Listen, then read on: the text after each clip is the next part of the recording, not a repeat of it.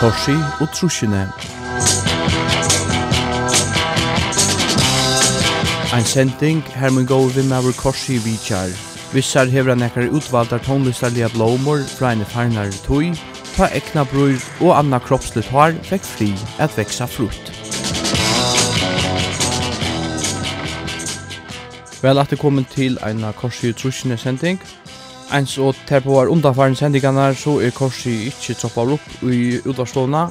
Stein har sendt meg en stor pakka vi uh, skurfotlan av Platon, LP-Platon, 12 LP-Plater hesfer som jeg atler meg for å spela. Og han har reisende skriver meg et håndskriva brev som jeg ætla meg å lesa borsrur. Men jeg halde vi legger bare bant i vei, her kommer den første LP-en.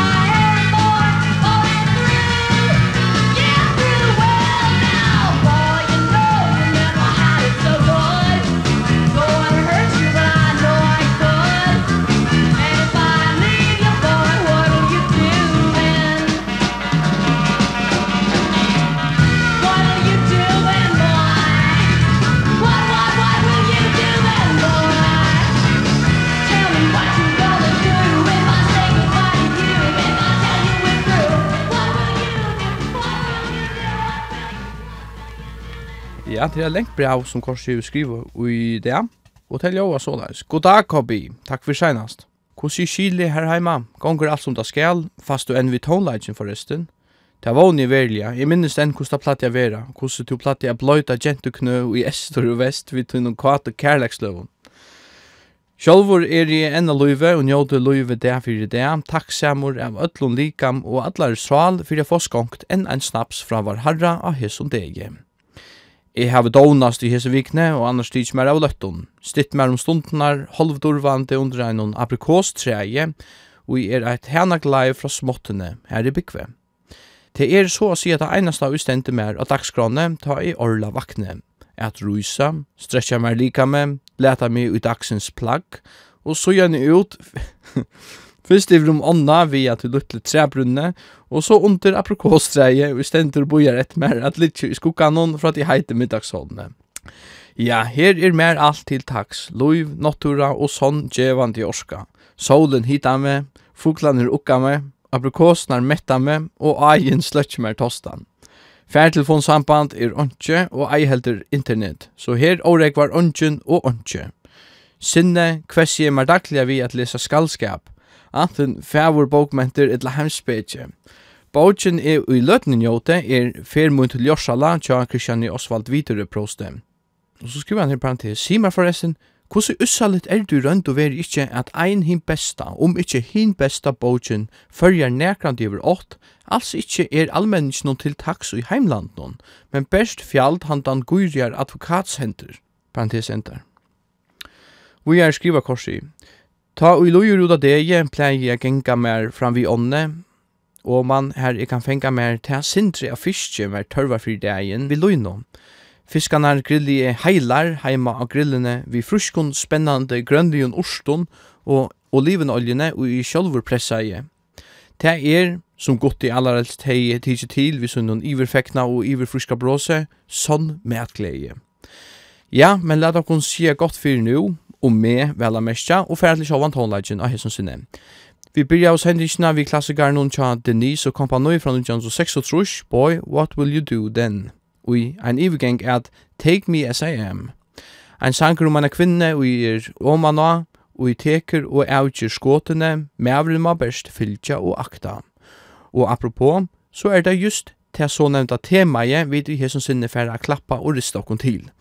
Det er ter kule kvinnenar vi sitta skronna. Tui i dem er det kvinno garagebølgar vi øron enskon åron Garage Girl Groups vel at mesja av taimon relativt minnekjent og sjolvande.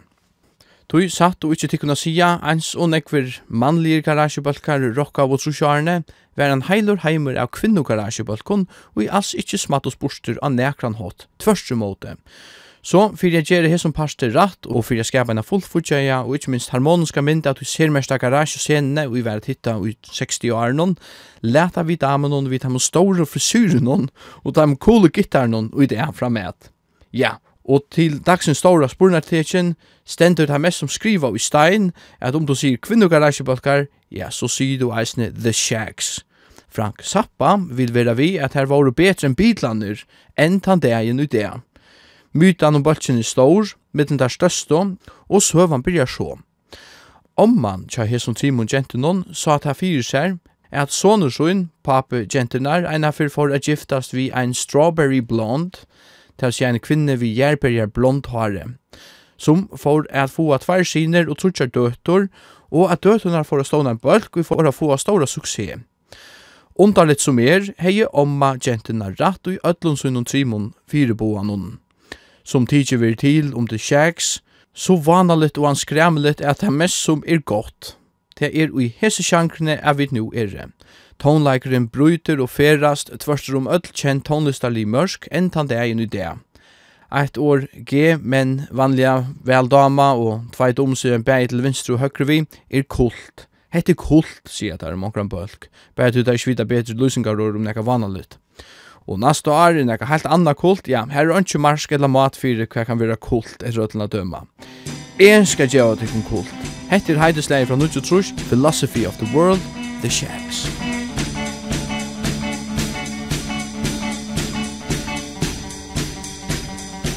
Oh, the rich people want what the poor people's got And the poor people want what the rich people's got skinny people want what the fat people's got. And the fat people want what the skinny people's got. You can never please anybody in this world. The short people want what the tall people's got. And the tall people want what the short people's got. The little kids want what the big kids got And the big kids want what the little kids got. You can never please anybody in this world. Oh, the girls with short hair want long hair And the girls with long hair want short hair. Oh, the boys with color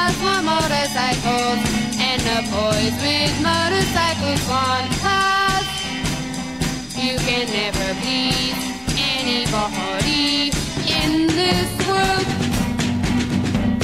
It doesn't matter what you do. It doesn't matter what you say. There will always be one who wants things the opposite way. It doesn't matter where you go. It doesn't matter who you see. There will always be Someone who disagrees. We do our best We try to please But we're like the rest We're never at ease. Oh, the rich people want What the poor people's got And the poor people want What the rich people's got the skinny people want what the fat people's got. And the fat people want what the skinny people's got. You can never please anybody in this world.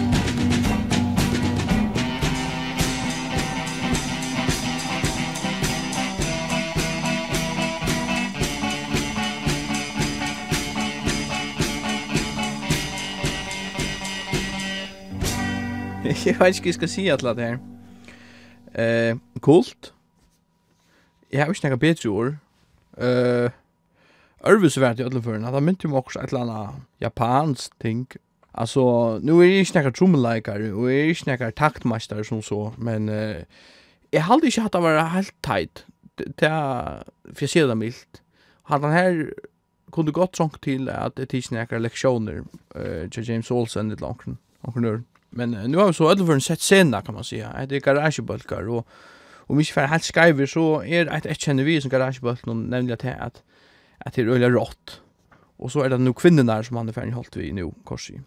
Eh vi får vi är till att trea läge och till detta läge skriver korsi The Continental Coets var en kvinnegaragebulker ur Folda, Minnesota. Fem damer, vi spalte gitarrar og trommer. De gjør det nekva om seg i mi 60 år og turnera og spalte dulia.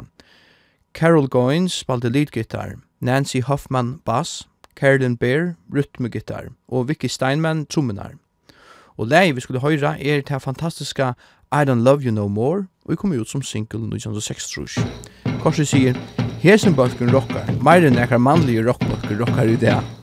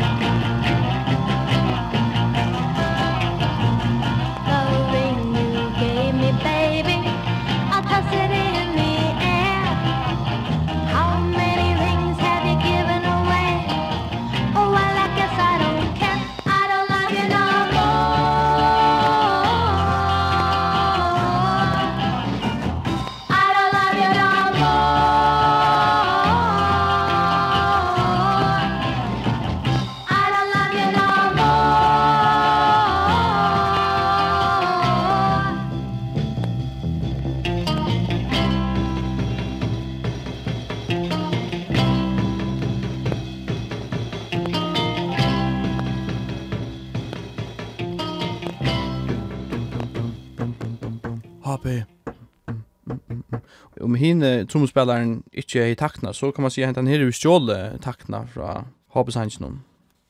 Goldie and the Gingerbreads, ikkje beinleis nekkar garasje rockbøkker som så, men jeg kjenner meg nøytan at tekkes av kvinnar vi, då i hetta leie er alt for godt til å droppa ui eina sluika tónleika sending. Allar helst mittan bølkanar i hese sendingini ui hei mest suksess saman omtidje.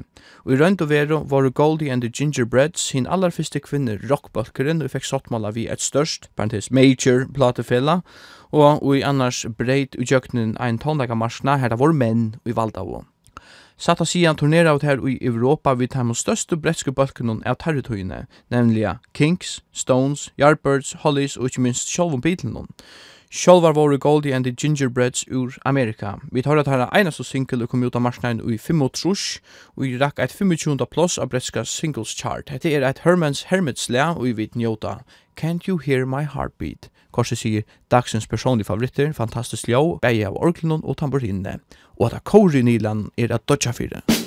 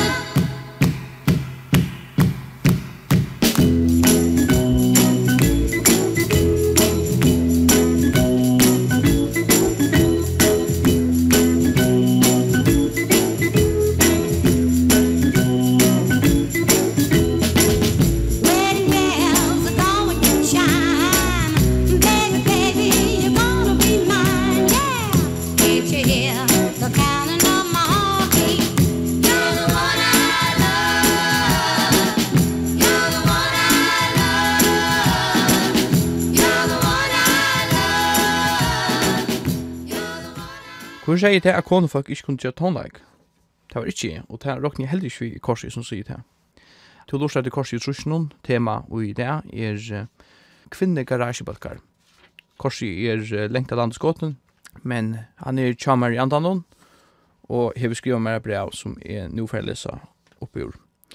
Ein annan amerikansk balkar av Taimon som sinne relativt kjentare er om The Loved Ones, The Loved Ones, og i var ur Michigan, var frontavur av Charlotte Char Vinnich i sang, spalte leadgitar og annars skriva i ötløyene. Syster hennara Chris Vinnich spalte bass, Mary Gallagher spalte rytmgitar og Faith Orem spalte trommer.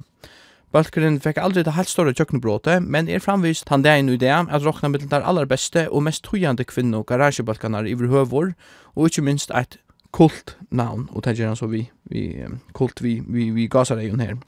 Onkur vil eisne vera vi at ter voru mittlen ter fyrstu balkanar at spela punkthon like og at annars synkja om kvinnorattende og feminismukjent evne i sånn kontara. Ikkje for smoa er hetta satt a sia aller fyrste livesangren og nekrande vi spalter og enn i korsi og trusne sending. Og i senderøyne av hesen sinni er han tan einaste. Tå er ikkje skal uthusa møllagan om han vel mestja høska seg framiver. Korsi sier tjekka sermest og vokalna tja Charlotte Char Vinnejud og let annars bæra stemningen forføra det med en.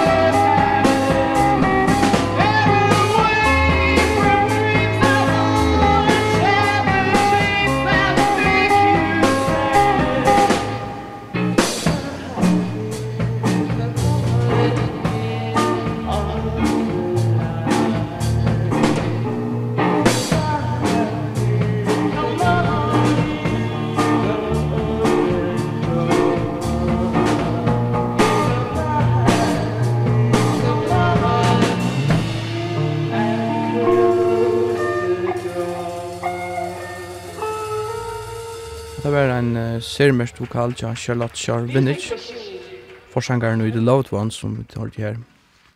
Læg, jeg hadde ikke nevnt det akkurat, læg etter Come On In.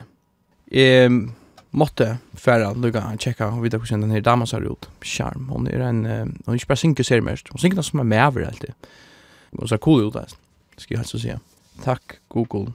Det franska slæget av poppen var røpt je-je, etter det enska je-je. Ah ja, hatt minnes i korset. Du gledde fra henne for om hans sjankna, men ja, hva var det, hva var det at han sjankna snus jo?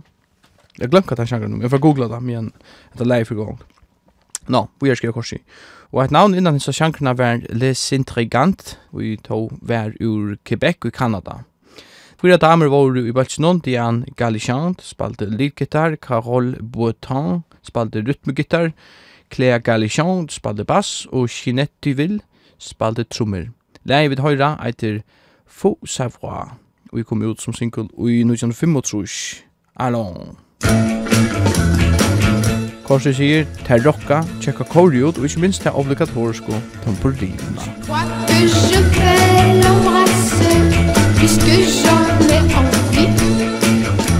Je vais ensuite lui apporter, son déjeuner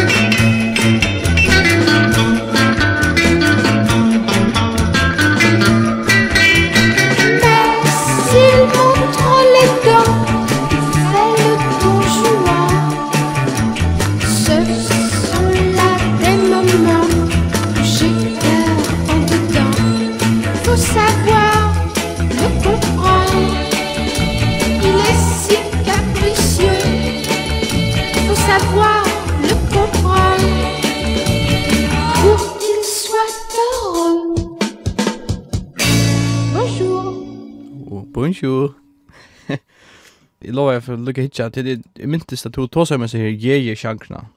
Det var alltid i samband vi, det har vi hatt kolar fransk, nei, kolar, kolar kvinner fra trusjonen. Og ta var det en lær som du spalte korsis med at tja François Adi, Tulli Gansson, eller Phil. Og ta sier du det var den her jeje, og det er også vi, vi stämningen någon som definierar chanserna som togs upp i Frankrike och jag så lyser mig fram till det är inte ringt att uh, äh, lyser så chanserna men Det som jeg får på sju til er at jeg skriver her om Wikipedia er rett, jeg vet ikke om det er. Naiviteten var liksom et tema. Altså, tekstene til hensene våre, sort, og skiltier, naive tekster om, du vet, forelskelse, og hva som du bort om, ferien er ikke damen er og bla, bla, bla. Og, og ikke bare tekstene, men eisen maten som sankeren sunker på, og det er alltid som man hørt etter, at det er sånn sort, nesten som badna sanker, eller så. Men cool. Jeg skiljer hva det var populært. One Million Dollar War Babies var satt å si ikkje en bølger her einas kvinner var jo i, men var to frontaur av en kvinne og hever ikkje minst et sera girl group kjent ljó ivis her. Og til årsøkjen er lei i slopp i jøkken nalare jeg kjømer. Det var Margie Schiffer og i heie mikrofonene om hente. Og hetta megna i hon fram i ordvel. Hon hever i en samrøv nevnt at middelen hennar av firmynder var Grace Slick ur Jefferson Airplane, hin allerstøsta sankrin og vi skulle høyra er einaste sankrin og vi kom ut tja bøltsinon og er annars tæra einaste originale sanger etter sigande ein demo opptøka og i hovas alt var utgiven. Ein vekur sjelare at han gåa matan. Korsi sier tjekka vokalna og harmoninar tja Margie ut.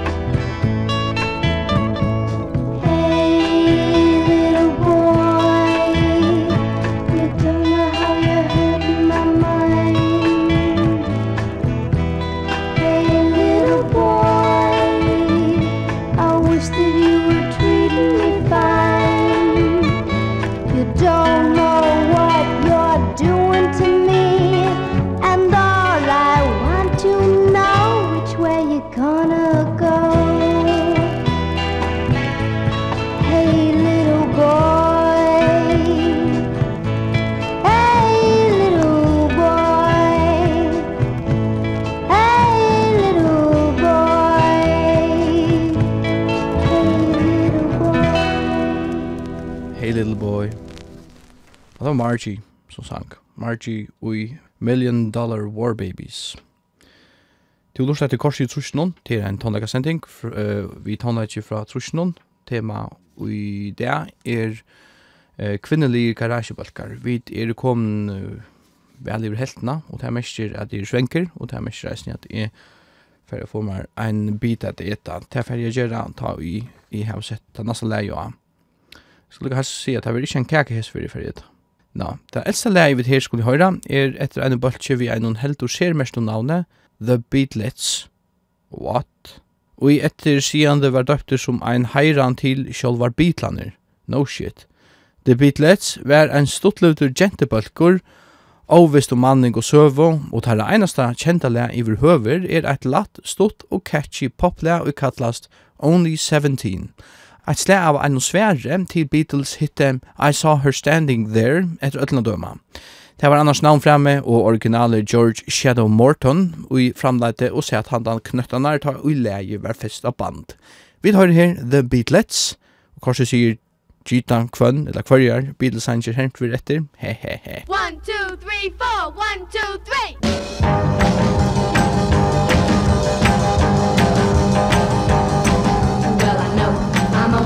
ting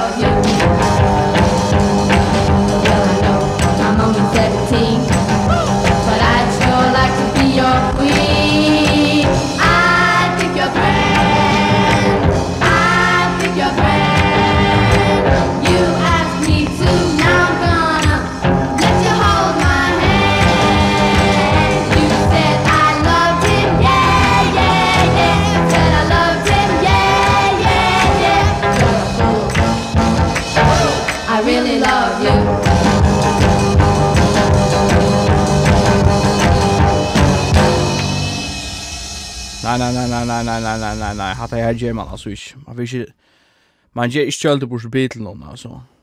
Korsen skriver etter The Beatles, så man skriver et sigende, um, en, en stuttlevd gentebøkker, og det er skiljer jeg luksalige vel, sånne her bøkker ikke levd lunch.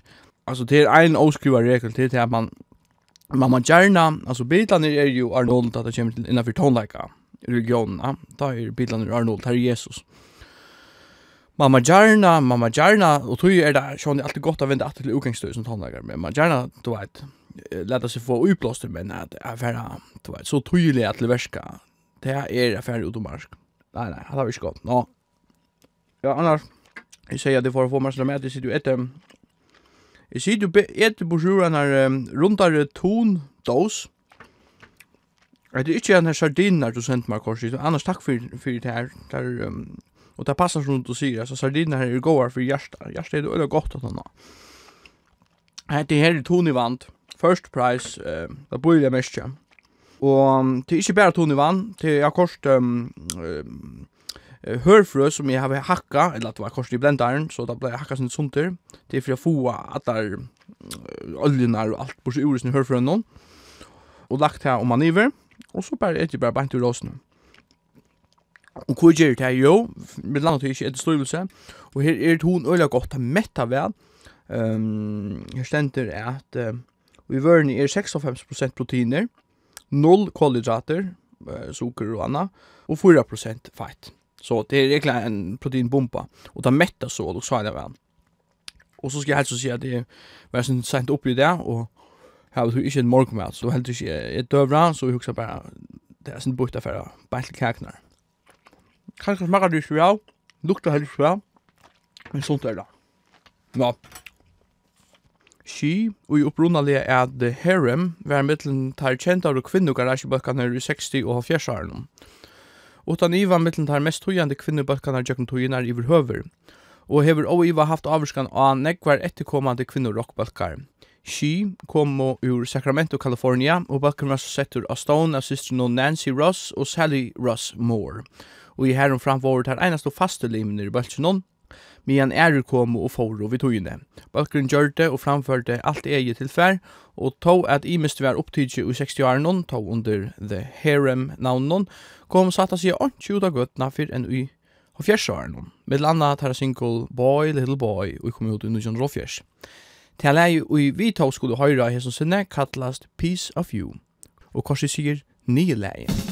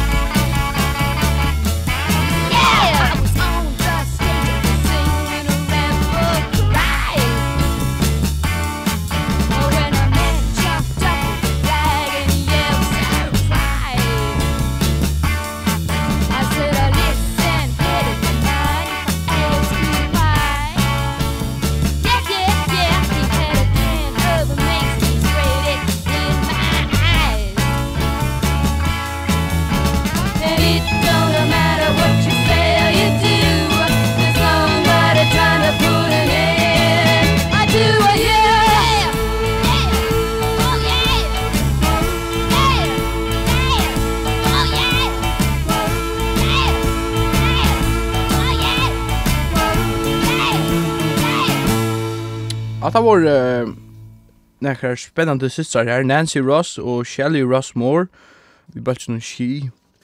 Her som jentnar her gjerna vilja færi ball saman vi. Det virker som nekkar løvlige damer, sier Tamata. Jeg vet ikke om det er, er tid langer, men det kan gå for at det er løvligere enn det er det. Mitten tar, skal han sia, obskuro bølkanar hesa fer, finna vi den bølkur kallast The Uncalled For. Obskurur Jeg skiljer at han hatt at iltra sia nær, kvør og kvæt om hessa kvinnar i som bølsen hon, to tvei tinker vois. Nummer 1, det var ur New York, og nummer 2, hetta er tæra einaste utgjunne sankor, Come on home with the uncalled form. Korset sier, skek og cool lam, ser det cool vi tui åstemma jeg gittaren hon, og tui ensamøtle tamburinene. Lo-fi og sunne tui, respekt. Ok, så veit du hva klokkan er sli. 1, 2, 3, 4!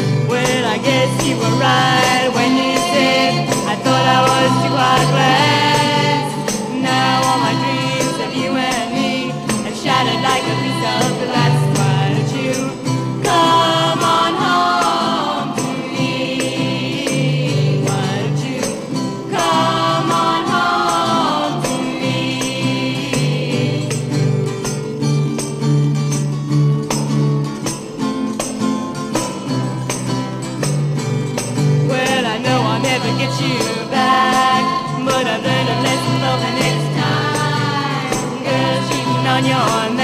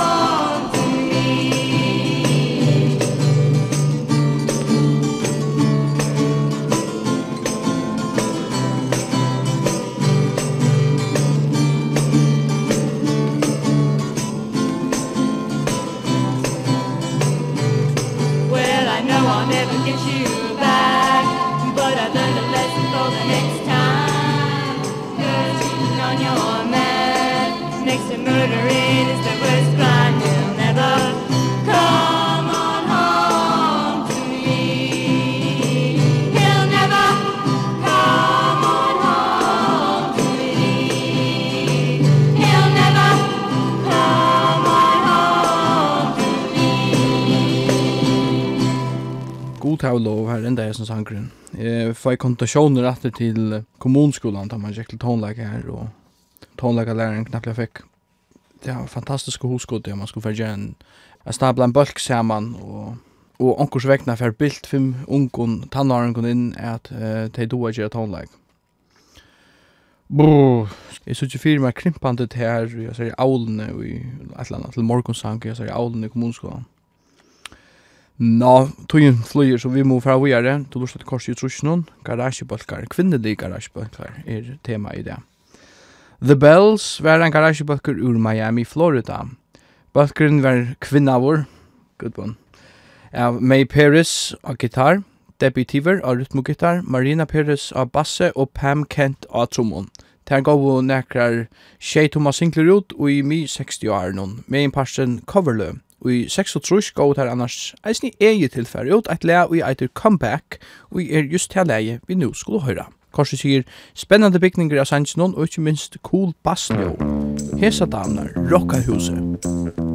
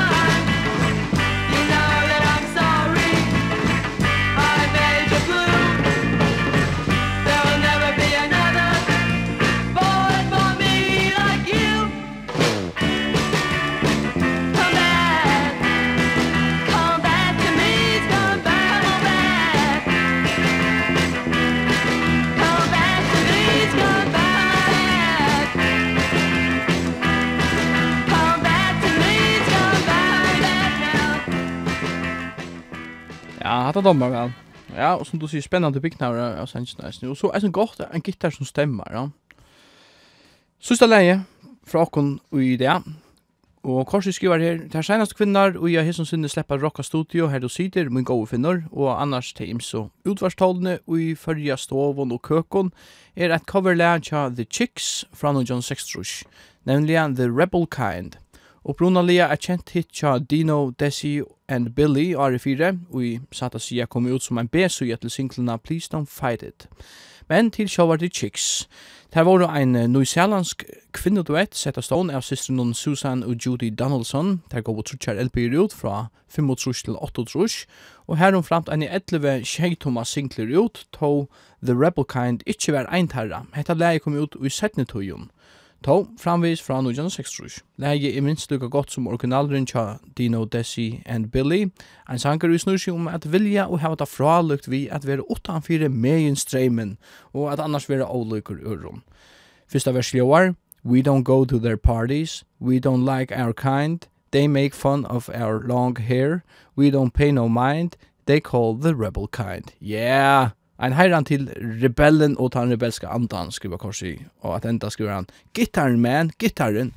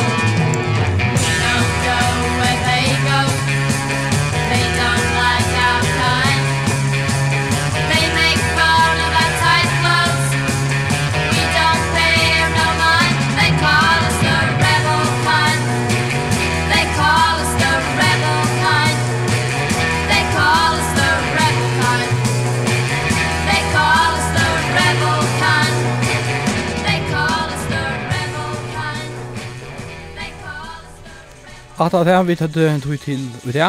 Brevet til Korsi reisen enn der, han uh, skriver PS her. Sendingen hesa fer vi ikke tilåpna nøkron av som personer, men er noen av oss som steg i gode havne, og i onkel du sakne, og ikke minst du gode mætnen, og i er her av foa.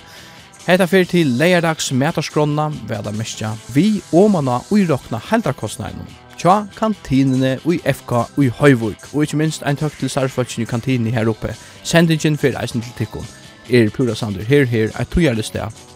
Vi sugið næst vik.